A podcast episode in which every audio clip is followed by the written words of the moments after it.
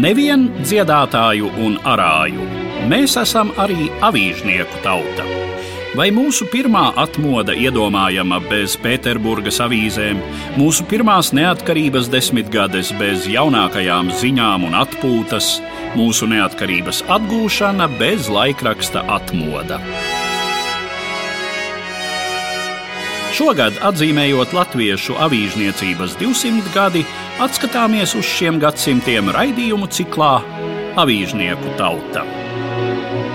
Eduarda Liniņa sarunas par latviešu drukātās preses vēsturi katra mēneša priekšpēdējā ceturtdienā pēc pulksten trījiem.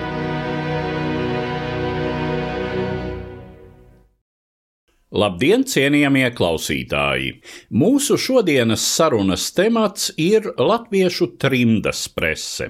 Laikraksti un žurnāli, kas 20. gadsimta otrajā pusē iznāca Rietumvācijā, Zviedrijā, Lielbritānijā, Savienotajās valstīs, Austrālijā un Kanādā nodrošinot aktuālo informāciju turienes latviešu kopienām.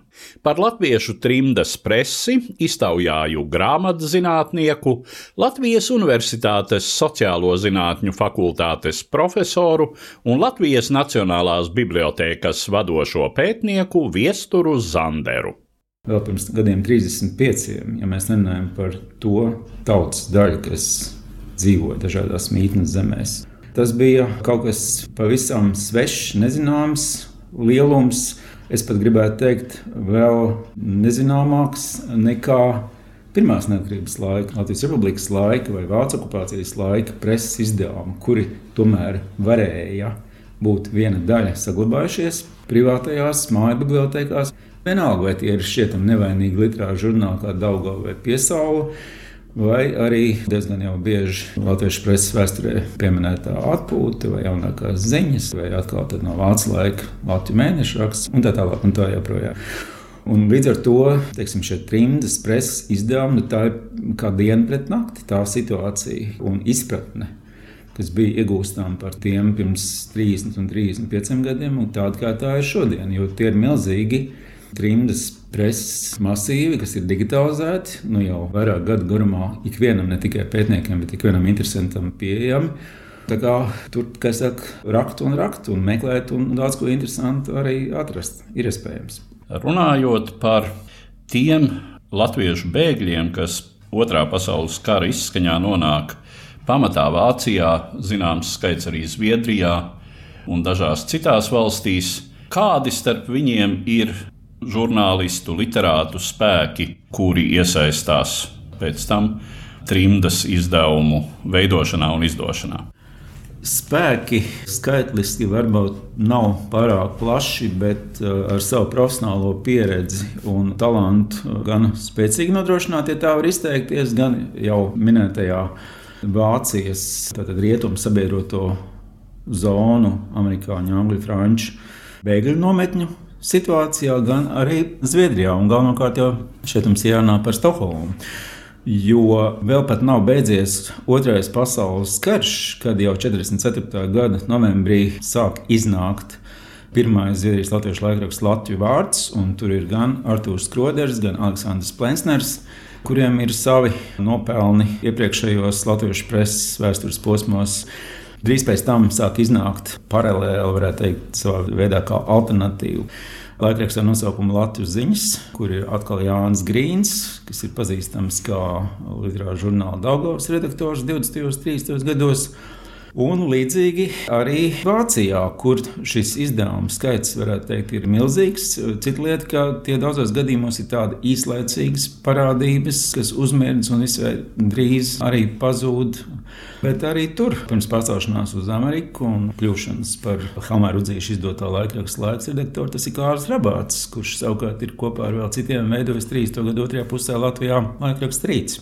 Tā kā to kadru ir pietiekami, bet, protams, ir jaunas problēmas un, un tāda apgrūtinājuma, kādi viņiem nerādījās ne sapņos, ne drīzāk drūmākajos morgos, tad, kad viņi dzimteni pameta. Kā tad tiek veidot šie preses izdevumi? Kas nodrošina sākotnēji to tehnisko bāzi, tos līdzekļus, nu, un droši vien arī kaut kādi līdzekļi, kas taču tiek maksāti tiem, kuri strādā un kuri raksta un tam līdzīgi. Tas ir būtisks jautājums, uz kuru tomēr nav tik viegli atbildēt. Gan tādēļ, ka šie pirmo gadu preses izdevumi nav tik daudz vismaz līdz šim pētīti, kā tie būtu pelnījuši. Varbūt pat daļai arī tādēļ, ka šo izdevumu dokumentācija līdz mums nav arī nonākusi.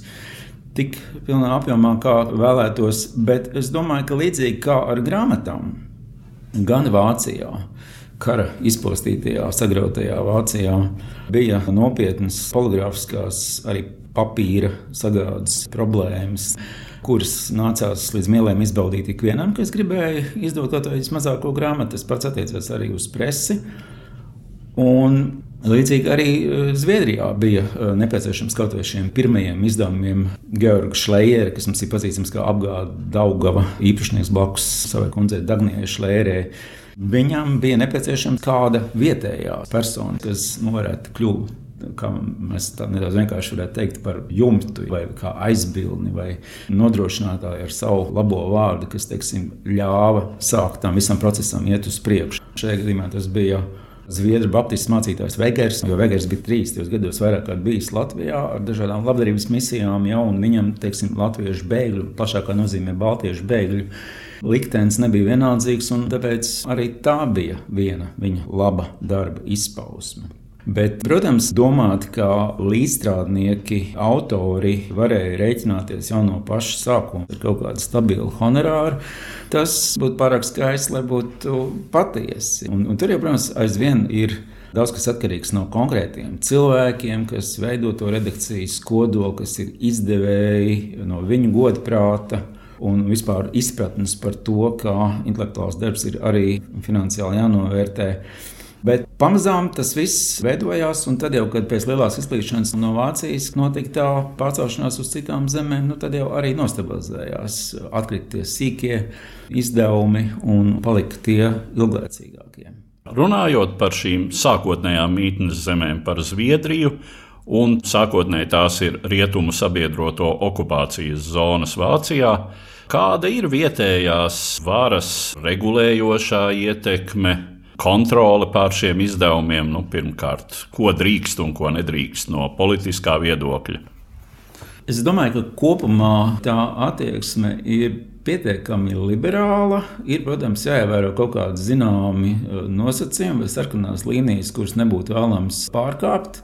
Tā skaitā eh, apzināti pārāk kritizējot vienu no otrā pasaules kara uzvarētājiem, it kā sabiedroto padomu savienību, kas toties nekautrējas jau drīz pēc kara uzsākt savu uzbrukoši agresīvo propagandas, aģitācijas kampaņu. Jo, eh, ja mēs runājam par šo plašo un daudzveidīgo trījus preses izdevumu spektru, kas citu, ir atspoguļots arī Benjamina Jēdera Latvijas trījus izdevumu bibliogrāfijā, tur ir ne tikai grāmatas, bet arī periodiski izdevumi ļoti smalki un skrupulozi aprakstīti.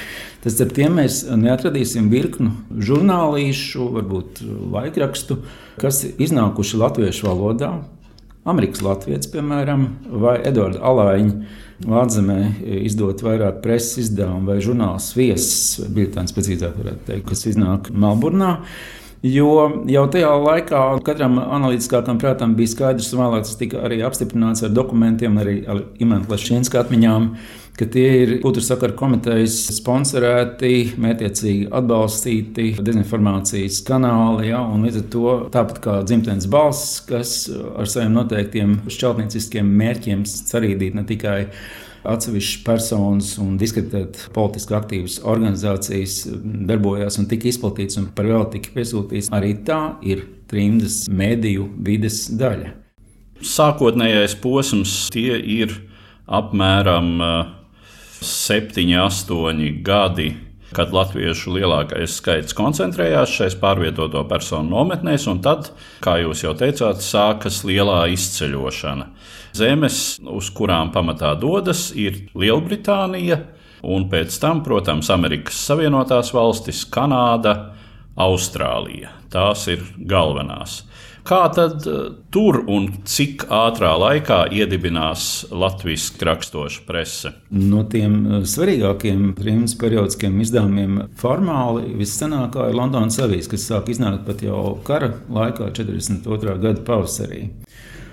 Laikraksts Latvija, kas iznāk Vācijā, sākumā Bavārijā, tad vēlāk vienā tādā mazā pilsētiņā Šlēzvigs Holšteinas zemē Etīnā. Tā sāk iznākt 46. gadā, un tad jau drīz pēc tam arī Austrālijā, Austrālijas Latvijas Melnburnā, tas ir 49. gads, 49. gads ir pavasaris laiks, kad Toronto sāk iznākt laikraksts ar nosaukumu Brīvā balss, kas vēlāk pārto par Latviju Amerikā, kas ir viens arī no svarīgākajiem trījus preses izdevumiem, kad Hamers Udzīts pārceļās uz dzīvi sanotajās valstīs no Rietumvācijas, tad arī tad 49. gada rudens, novembris ir tas laiks, kad viņš ne pirmo reizi sev piesaka preses izdošanā, jo jau Vācijā nometnē laikā viņš ir laidis klajā žurnālu izdevumu nosaukumu Laiks. Bet 49. gadā Ņujorkā sāk iznākt laikraksts Laiks kas kļūst par pašu vērienīgāko, varētu teikt, vērtīgāko informāciju saturošo trījus preses izdevumu. Es domāju, diez vai kāds tā sevišķi nopietni ticēja, ka ir iespējams radīt trimdā, izklīstot pat tik tālām un atšķirīgām zemēm vienu globālu preses izdevumu. Ja, tāpēc Austrālijā, Kanādā, Savienotajās valstīs un, protams, arī Londonas avīzē. Attiecīgi, Lielbritānijā pastāvēja, tad, kad nu, savā ziņā tie arī varbūt mazāk intelektuālie, cik finansiālie resursi bija izsmelti. Tad viņi apvienojās ar, ar laikrakstu Latviju. No 86. gada rudens iznāca ar nosaukumu Brīvā Latvija. Zviedrijā tur šo divu iepriekš minēto laikrakstu pastāvēšanas mūžs bija atšķirīgs. Teiksim, Latvijas vārds iznāca vēl līdz 66. gadam, bet Latvijas ziņas tika likvidētas vai slēgtas jau 55. gadā. Un uh, tad, kad 55. gada vasarā Latvijas ziņas tika slēgtas, tad vēstulē dzinējam un māksliniekam Ojāram Jēganam Georgs Šlējers rakstīja tā, es nedaudz nocitēšu kādu vēstules teikumu. Latvijas ziņas aiztaisījām, jo apnika katru mēnesi maksāt klāt vairākus simtus kronu un bez tam vēl krietni strādāt par brīvu. Tagad daudz kliedz un žēlojas, soli naudu mest kopā un nezinu, ko lai tikai turpinot. Esot bijusi labākā avīze, inteliģentākā, visveiklāk vadītā un vēl visādi absurdi nekas, kad iznāca, tad pat abonementi bija grūti samaksāt. Tā viņš rakstīja, kas savā ziņā atklāja to skaudro ikdienu un to visu, kas bija jāiegūda, lai kāds pie tam, nu, tas, ko mēs šodien saucam par kvalitatīvu presi, spētu iznākt. Teiksim, labākajos gados tas pats laiks sasniedz pat 12 un 13 tūkstošu tirāžu, iznākot divreiz nedēļā. Tas varbūt arī ir svarīgi atzīmēt, ka tāda dienas laikraksta, Latvijā mums šeit bija arī okupācijas laikā pierast, vai šodien kādi iznāk tādi jau tur nebija. Tik liels un brīnišķīgs tās iespējas nebija. Ir mēģinājumi bijuši uh, iekāpt vienā un tajā pašā upē atkārtoti. Tie mēģinājumi nav visos gadījumos bijuši pārāk sekmīgi, jo, piemēram, Jānis Grīns, kas Valtrona Raps izdoto žurnālu Daugavu rediģēja šeit Latvijā, viņš to darīja arī no 45. līdz 47. gadam Stokholmā. Un uh, līdzīgi viens cits žurnāla Daugava redaktors Jānis Kadils. Vācijas bēgļu nometņu periodā sāk izdot žurnālu nosaukumu Ceļš Vitsburgā. Bet arī tam bija tikai pāris gadu pastāvēšanas laiks. Jo literārās preses, atcīmredzot, izdošana, tas ir sevišķi ciets rieksts, jo tāpat arī Jāņa Andrupa un Andrēja Eglīša Stokholmā aizsāktās ceļzīmes, kad pārcēlās uz Londonu. Šķietami, ja tu skaties tā bezskaislīgi tos gadus, no kura līdz kuram tas ir iznācis, 40 gadi, ak, cik lieliski. Bet tur pa vidu ir kaut kādi 5, 6 gadi, kad neviens numurs nav iznācis. Tā ir diezgan samocīta un problemātiska tā visa būšana bijusi. Un, un līdzīgi arī pat Hamārs Udzīts kuram, kā jau teicu, bija zināmas priekšrocības, kas gan nevienmēr teiksim, nāca par labu izdevuma kvalitātei. Jo tas, ka viņam bija savs piestūlis, kurā tika izdots laikraksts laiks, dažkārt atcaucās arī uz viņa izdoto grāmatu poligrāfs izpildījumu kvalitāti un otrādi. Ja.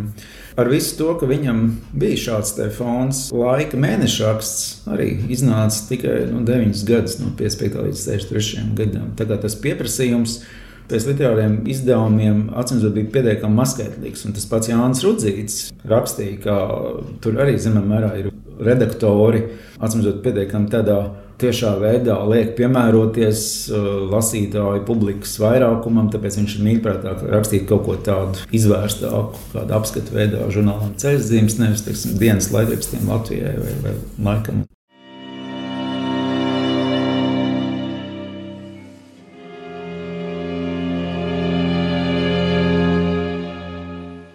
Aplūkojot latviešu trimdas preses vēsturi, mans sarunbiedrs ir grāmatzinātnieks, Latvijas Universitātes Sociālo zinātņu fakultātes profesors un Latvijas Nacionālās bibliotēkas vadošais pētnieks Viesturs Zanders. Kas ir trimdas preses galvenais saturs, žanriski un tematiski? Domāju, ka vispirms tā ir trimdas dzīves, daudzpusīga dokumentēšana, atklāšana, organizāciju, draugu dzīves atspoguļošana. Kaut kur, varbūt uh, vairāk fonā, ir, protams, arī pasaules norisu aprakstīšana, bet vairāk tāda no latviešu nacionālo interesu skatu punktu, raugoties, cik tālu tas skar mītnes zemju attieksmi pret baltiešiem pret uh, okupācijas fakta uh, respektēšanu un tā tālāk. Protams, lai veidotu plašai sabiedrībai interesantu un noderīgu, tāpat varētu arī teikt, preses izdevumu. Tā bija diezgan neiespējama misija, domājot par atšķirīgām paudzēm, par atšķirīgām interesu grupām. Un tādēļ tur vajadzēja, protams, būt arī savam vaļsprieku izklaides stūrītim, savām lapusēm, kas ir atvēlētas sporta tematikai. Es domāju, saiznoši daudz un krietni vairāk nekā teiksim, tā laika, protams, Latvijas presē un arī pat mūsu laiku. Latvijas preses izdevumā mums tā atgriezeniskā saikne ir atrodama ar regulāru un daudzu lasītāju vēstuļu publicēšana. Tā, protams, ir arī atsevišķos gadījumos, varbūt ne tikai kaut kāda būtiska doma apmaiņa, bet sīkā kasīšanās, vienkārši izsakoties un personīgo rēķinu kārtošanu. Vēl es gribētu uzsvērt, noteikti, ka, protams, ka tā ir daļa tur. Jo ja jau tik daudz no latviešu intelektuālās elites bija nonākusi trimdā un tur turpināja vairāk vai mazāk darboties, Tad uh, tie neapšaubāmi bija daļtūras teksti, varbūt mazāk dzēja, uh, ja nerunājam par literāriem žurnāliem, bet uh, lielprozas teksti, romānu publicēšana turpinājumos. Jo, ja mēs teiksim, skatāmies kaut to pašu laikrakstu laiks, tad jau no pirmā numura, kur sāk iznākt, tiek iespiests Anšlā Veglīša romāns Aģurģonga, tad faktiski visu laikrakstu pastāvēšanas mūžu Vienu romānu turpinājumu nomaina kāds cits, un tur blakus Anšēlam Meglītam ir jāsauc Alfrēds Dziļums, un Gunārs Janovskis, un Aida Niedra un vēl daudz citi kuru romānu kārtējos turpinājumus, acīm redzot, lasītāji tajā ir interesēti, gaida. Un diezgan bieži arī Hamārs Udzīts pēc tam to, kas ir gājis atsevišķos turpinājumus, publicēja savā apgādā kā atsevišķas grāmatas. Šajā ziņā mēs varam teikt, ka trījus presa šajā aspektā arī turpina kaut kādas iepriekšējās latviešu preses tradīcijas. Kā ir ar informāciju par to, kas notiek Latvijā? Kādā veidā šī informācija nonāk cauri dzelzceļa priekškaram un cik tur ir teiksim, objektīvas analīzes, un cik tur ir varbūt arī kaut kādu pieņēmumu, aizspriedumu vēlmju domāšanas iespējams kādos eh, šo Latvijas notikumu traktējumos. Es domāju, ka tur viss ir eh, juku jukām kopā ļoti dažādi un atšķirīgos laiks brīžos atšķirīgi. Jo, protams, tagad tas dzelzceļa priekškars bija blīvāks līdz Staļina nāvei necaursitamāks, tā būtu precīzāk teikt, tad arī tās informācijas daudzums bija krietni ierobežotāks un kaut kādas, teiksim, vairāk spekulācijas un leģendas varēja vieglāk izlausties vai vieglāk nonākt trimdas preses lejās.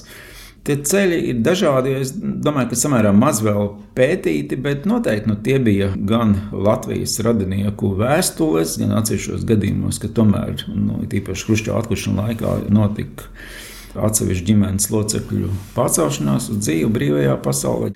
Tad uh, arī šī informācija nu, ne jau vienmēr ļoti izsvērta, daudzpusīga un kritiski izvērtēta. Tur parādījās Bet eh, nu, varbūt ir vērts pieminēt eh, arī vēl vienu izdevumu, kas sāk iznākt jau 48. gadā. Tas ir biļetens eh, brīvība Stokholmā, kas iznāk Latvijas Sociāldemokrātiskā strādnieku partijas saistīts izdevums, kas, teiksim, padomju okupācijas režīma acīs bija ļoti nevēlams un kaitīgs, jo, atcīmredzot, viņiem bija dažādos laikos, nu, īpaši, es domāju, 60. un 70. gados savi kanāli, informācijas ceļi diezgan operatīvs un samērā precīzs informācijas iegūšanai par to, kas notiek šeit, Latvijā. Un, protams, nu, ja tas parādījās pie tam tādā vēl ne tikai operatīvā, bet pateicoties Ulriņam Čermanim un vēl citiem autoriem, tādā dzēlīgi, trāpīgā veidā aprakstīts un atmaskots. Tāpēc arī brīvība tika lamāta daudz un intensīvi. Vai skatoties uz šiem dažādajiem izdevumiem, vai tur ir vērojama arī kāda teiksim, nogrupēšanās politiskā ziņā, kuri izdevumi ir varbūt labējāki, kreisāki. Šajā gadījumā tas, protams, ir diezgan specifiski, jo runa varētu būt atkal jau piemēram par sakariem ar dzimteni. Cik tas vispār ir pieņemami vai nav pieņemami. Lielās līnijās, protams, varētu teikt, ka laiks bija tāds nu, ar plašāku atvēzienu un centriskāks. Un, tad, teiksim, ar Dāngos Vanagu organizāciju saistītā Latvija, Amerikā vairāk tāda konservatīva un nacionāla stājas ieturētāji. Bet es tomēr aicinātu arī uz uh, visiem šiem izdevumiem, it īpaši tiem, kas ir pārdzīvojuši vairāku gadu desmitu pastāvēšanas evolūciju, uh, neskatīties tā ļoti vienkāršoti, jo galu galā pat ja izdevējs paliek visu laiku viens un tas pats, kaut gan daudzos gadījumos tur arī ir kaut kādas korekcijas iespējams, ar redaktori nomainās. Un tomēr katram var būt arī kaut kādas savas pieejas un izšķiršanās, kam viņš vairāk veltīja uzmanību, kādas akcentus viņš saliek. Un, um, Līdz ar to tur drīzāk varbūt tajos sākuma gados, vēlreiz atgriežoties pie Stokholmas laikrakstiem, pie Latvijas vārda un Latvijas ziņām, bija vairāk tā orientācija uz parlamentārās uh, Latvijas laika politikas, ne tikai protams, atzīšanu, bet cildināšanu un tā laika politiskajos procesos iesaistīto personu novērtēšanu. Jo tā bija savā veidā kā atgūšanās no šī Umaņa autoritārā režīma, sešas gadus vai septiņas gadus, kad Latvijas presse kļuva varbūt negribēta, bet uh, vienveidīgāka un tad nu, brīvā pasaulē izmantoja tās iespējas, kas nu bija atkal pavērušās tad varēja saka, plūkties atkal, cik tik uziet. Bet, zināmā mērā, diezgan bieži un ik pa laikam ir jāstopas ar tādiem precedentiem, nu, kas gan, protams, ir vairāk privātā sarakstā fiksēti, ka tiek kādi autori aicināti izvēlēties izteicienus vai piebremzēt atklātības pakāpi, jo vēl tas laiks nav pienācis. Un bija pamats domāt, ka izraujot no konteksta kādus labi domātus un patiesus faktus. Tos varēja interpretēt uh, pilnīgi apgrieztā veidā šeit, okupētā Latvijā. Kā mainās šīs preses ievirzes raksturs laika ritējumā? Te droši vien ir divi faktori. Viens ir, kā pamazām nomainās paudzes, nāk jauni cilvēki, kas darbojas šai presē, Starp citu, arī jautājums, kur viņi rodas tur trimdā. Un uh, otrs nu, ir kaut kādi šie lielie starptautiski nozīmīgie procesi, Staļinisma beigas, Hruščova atpūsnis, Brežņeva stagnācijas iestāšanās. Tad ir 70. gadi ar vispārējo atslābumu augstajā karā. Tad jau līdz 80. gadiem savukārt, kad atkal ir viens tāds augstāks spriedzes moments saistīts ar padomu iebrukumu Afganistānā. Tad jau padomju Savienības fināls, kas vispār ļoti strauji maina trimdas un šejienes attiecības, kontaktus un tā tālāk. Un tā tālāk. Bet lielākā daļa šī posma, kad Latvija ir aiz dzelzceļa priekškara un uh, trimda pastāv un veidojas kā kaut kas no dzimtenes strikti nošķirts. Domājot par to, kas veido dažādos laika posmos presi, daudzus gadu desmitus tomēr mēģina vēl līmeni uzturēt, saglabāt jau arī vairāk manas iepriekš minētie žurnālisti, kas bija strādājuši Latvijā un kuri atsimot to uzskatīja par savu misiju, par savu uzdevumu.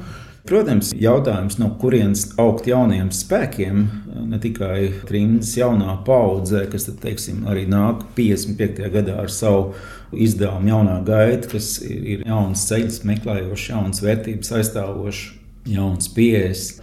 Tad tas ir likumsakarīgs. Un uh, šeit noteikti šī mītņu zemju vide, citi vietējo zemju mēdīju un arī teiksim, kaut kādas finansiāli noturīgākas eh, karjeras iespējas eh, bija ļoti konkurējošas. Es domāju, šiem trījus preses izdevumiem. Tā nu, lielā mērā tā bija tāda eh, iztikšana vēl ar līdzinējiem spēkiem.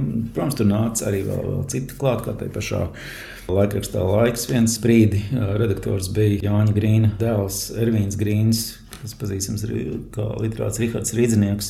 Bet tās bažas par to, cik ilgi pastāvēs ne tikai būs šis laikrakstu pircējs, lasītājs, bet cik vispār ilgi pastāvēs šie arī solidākie izdevumi aizvien pastāvēja. Tā pašā laikā, 60. un 70. gados, ir, ir atsevišķi izdevumi, kurus mēs teiksim, līdz šim neesam pieminējuši. Bet vai tas ir žurnāls Treja vārds, kas senoties valstīs sāk iznākt 60. gadu otrajā pusē? vai nu, teikt, tādu nozaru izdevumu, kur balansē uz robežas, vai tas ir turpinājuma izdevums, vai tā ir presa, kā Latvijas mūzika, Latvijas māksla, kas ir Amerikas Latvijas Savienības Latvijas institūta izdevums, vai pašs PBLA izdevums Latvijas šodien. Kas pirms 50 gadiem sāk iznākt, un kas uh, lielā mērā ir varbūt nedaudz novēlot atbildi uz, uz, uz jautājumu par okupētās Latvijas atspoguļojumu trījus presē. Ja? Tur tas fokus ir pamatā un galvenokārt vērsts tieši uz to, kā viņi redzēja, kā viņi saskatīja un kā viņi vērtēja Latvijā notiekušo. Kas ar trimdas presi notiek pēc tam, kad Latvija atgūst neatkarību? Ir pavisam citas sakaru iespējas, nu, un tad jau tie ir arī globalizācijas procesi, pamazām, kas ir arvien jūtamāki. Faktiski jājautā, cik no trimdas izdevumiem, kas savulaik ir iznākuši, ir palikuši, ir izdzīvojuši līdz mūsdienām, un kas ir tas pamats tā lasītāja auditorija kuru tie joprojām apkalpo. Faktiski no tiem, kas sāka 40. gada otrajā pusē, jau pieminētā brīvā Latvija, tā jau ir arī pagātnes lapuse. Rudzījis 49. gada aizsāktais laiks ir pārcēlts redakcija uz Rīgu, un, un jau pēdējos 20 gadus laiks tiek gatavots un iznāk Rīgā. Austrālijas Latvijas ir pārtransformējies par tādu elektronisku laikrakstu, arī ar savu auditoriju. Un tiešām jau blakus tiem jūsu minētajiem apstākļiem, gan sakariem, gan globalizācijai, nu, tā ir arī cita mēdīņa konkurence, kas beidzot savus zobus parāda pilnā apjomā. Ja mēs paskatāmies uz šiem trimdas gadiem un trimdas preses vēsturi apmēram pusgadsimta gaitā, Vai šai pieredzei ir bijusi kāda nozīme, veidojot Latvijas un arī vispār latviešu preses pasaulē šī brīža ainu? Visai sarežģīts jautājums. Nesot pie šī laika Latvijas preses reāliem procesiem tik tuvu, cik mans vērotāji vai lasītāji no, no malas skats atļauj spriest. Es pieļauju, ka diena veidojās vairāk no jauniem pamatiem, kamēr teiksim, neatkarīgā rīta avīze vairāk uzturēja un turpināja šajā laikrakstā iesaistīto personību klātbūtni, savas uh, iepriekšējās tradīcijas. Vai kaut kas tika tā klāja aizgūts un, un izmantots no trījus pieredzes? Es visdrīzāk domāju, ka pavisam maz. Līdz ar to izskan mūsu raidījums, kas bija veltīts latviešu trimdas presei laikā pēc otrā pasaules kara. Par šo sarunu pateicos grāmatzinātniekam, Latvijas Universitātes sociālo zinātņu fakultātes profesoram un Latvijas Nacionālās bibliotēkas vadošajam pētniekam Viesturam Zanderam. Uz redzēšanos, cienījamie klausītāji!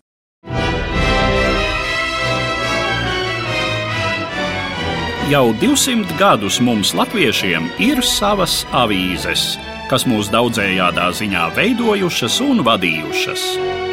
Atskatāmies uz latviešu avīžniecības diviem gadsimtiem raidījumu ciklā Avīžnieku tauta. Eduarda Liniņa sarunas par latviešu drukātās preses vēsturi katra mēneša priekšpēdējā ceturtdienā pēc pulksten trījiem.